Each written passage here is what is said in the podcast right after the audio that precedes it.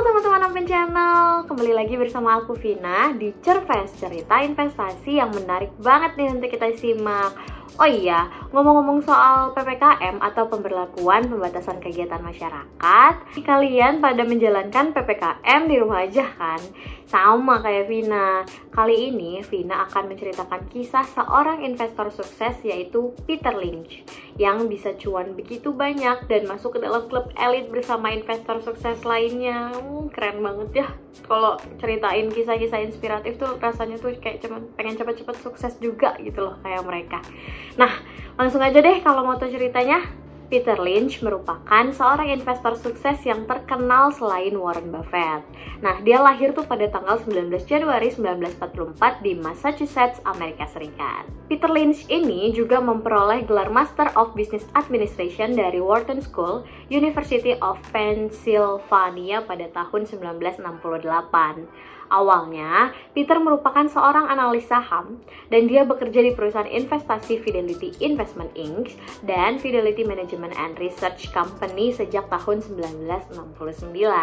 Di tahun 1974 sampai 1977, Peter itu sempat dipercaya menjabat sebagai direktur riset pada Fidelity Management and Research Company sebelum dipercaya sebagai fund manager Fidelity Magellan Fund hingga pensiun di tahun 1990. Nah, dalam periode 1977 sampai 1990, return bersih yang dihasilkan oleh Peter Lynch secara rata-rata mencapai 29% per tahun. Positif banget ya dan lumayan besar loh itu angkanya. Kira-kira berapa kalinya deposito dan surat utang coba? Hmm, Konsistensi cuan itulah yang membuat nama Peter cukup melegenda di kancah pasar modal dan perinvestasian, khususnya di Amerika Serikat. Dia akhirnya masuk ke dalam klub elit bersama investor lainnya seperti Jim Simons, Steve Cohen, George Soros, dan Ray Dalio. Lalu nih ya, karena prestasinya yang cukup bagus, pada tahun 2007, Peter diangkat sebagai Vice Chairman dari Fidelity's Investment Advisor, Fidelity Management and Research Co. Keren banget ya, ini tuh yang namanya menikmati proses pelan-pelan belajar dari bawah, eh diangkat kan jadi Vice Chairman. Keren deh. Tahu nggak sih, kalau Peter Lynch ini dikenal mempunyai filosofi trading invest in what you know atau berinvestasilah pada yang kamu pahami. Jadi, menurut Peter itu kebanyakan orang memiliki pengetahuan spesifik pada bidang tertentu aja kan. Nah, atau memahami dengan baik profesi atau keahliannya. Misalnya ya dokter berarti memahami dengan baik dong tentang segala bentuk kesehatan manusia atau apa pun itu. Nah, jika kamu terjun ke pasar saham juga kayak gitu tuh sebagai investor. Sebaiknya kamu memilih saham-saham yang berhubungan dengan profesi atau pekerjaan kamu. Jadi, kamu bisa tahu saham-saham itu uh, sudah terlalu mahal, uh, over value atau masih terlalu murah, under value. Pilih saham-saham under value yang bagus. Sediakan waktu untuk survei dan belajar. Jangan asal masuk sebelum kamu paham benar. Invest in what you know. Itu tuh saran dari si pinter. Eh, Peter maksudnya.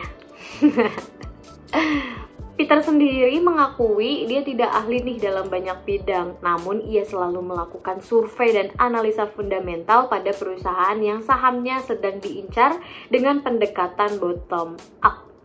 Yaps, lagi-lagi analisa fundamental adalah kuncinya. Ada lagi nih kata-katanya si Peter yang Vina suka banget. Jadi dia bilang, sebelum kamu masuk atau membeli, kamu harus bisa menjelaskan secara logis kenapa kamu memilih saham itu dan bukan saham ini. Kamu harus bisa menjabarkan dengan detail. Jika ragu, hasil investasi kamu juga akan meragukan. Uh, bener juga sih kata si Peter. Oh ya, for your information juga nih, si Peter Lynch ini selalu menahan saham yang dibelinya untuk jangka menengah atau jangka panjang. Dia tidak pernah trading jangka pendek. Makanya dia suka banget yang namanya analisa fundamental karena ya pasti jangka panjang atau enggak jangka menengah. Oke deh, segini dulu cerita investasi kita kali ini. Nah, ini nih satu lagi nih, nasihat dari Peter yang Vina suka banget.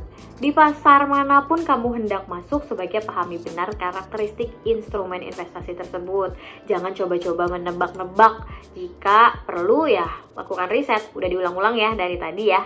Investasi adalah pekerjaan serius. Jika Anda investor atau trader saham, tiap lembar saham yang Anda beli itu tuh bukan kupon lotre, tetapi bagian dari kepemilikan bisnis Anda.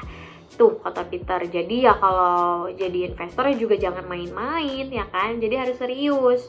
Jadi yuk kita luangkan waktu untuk memahami dulu instrumen investasi yang akan kita pilih.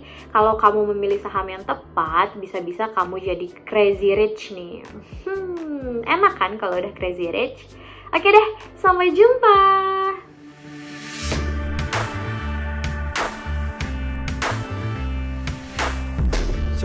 The future. Start invest. It's time.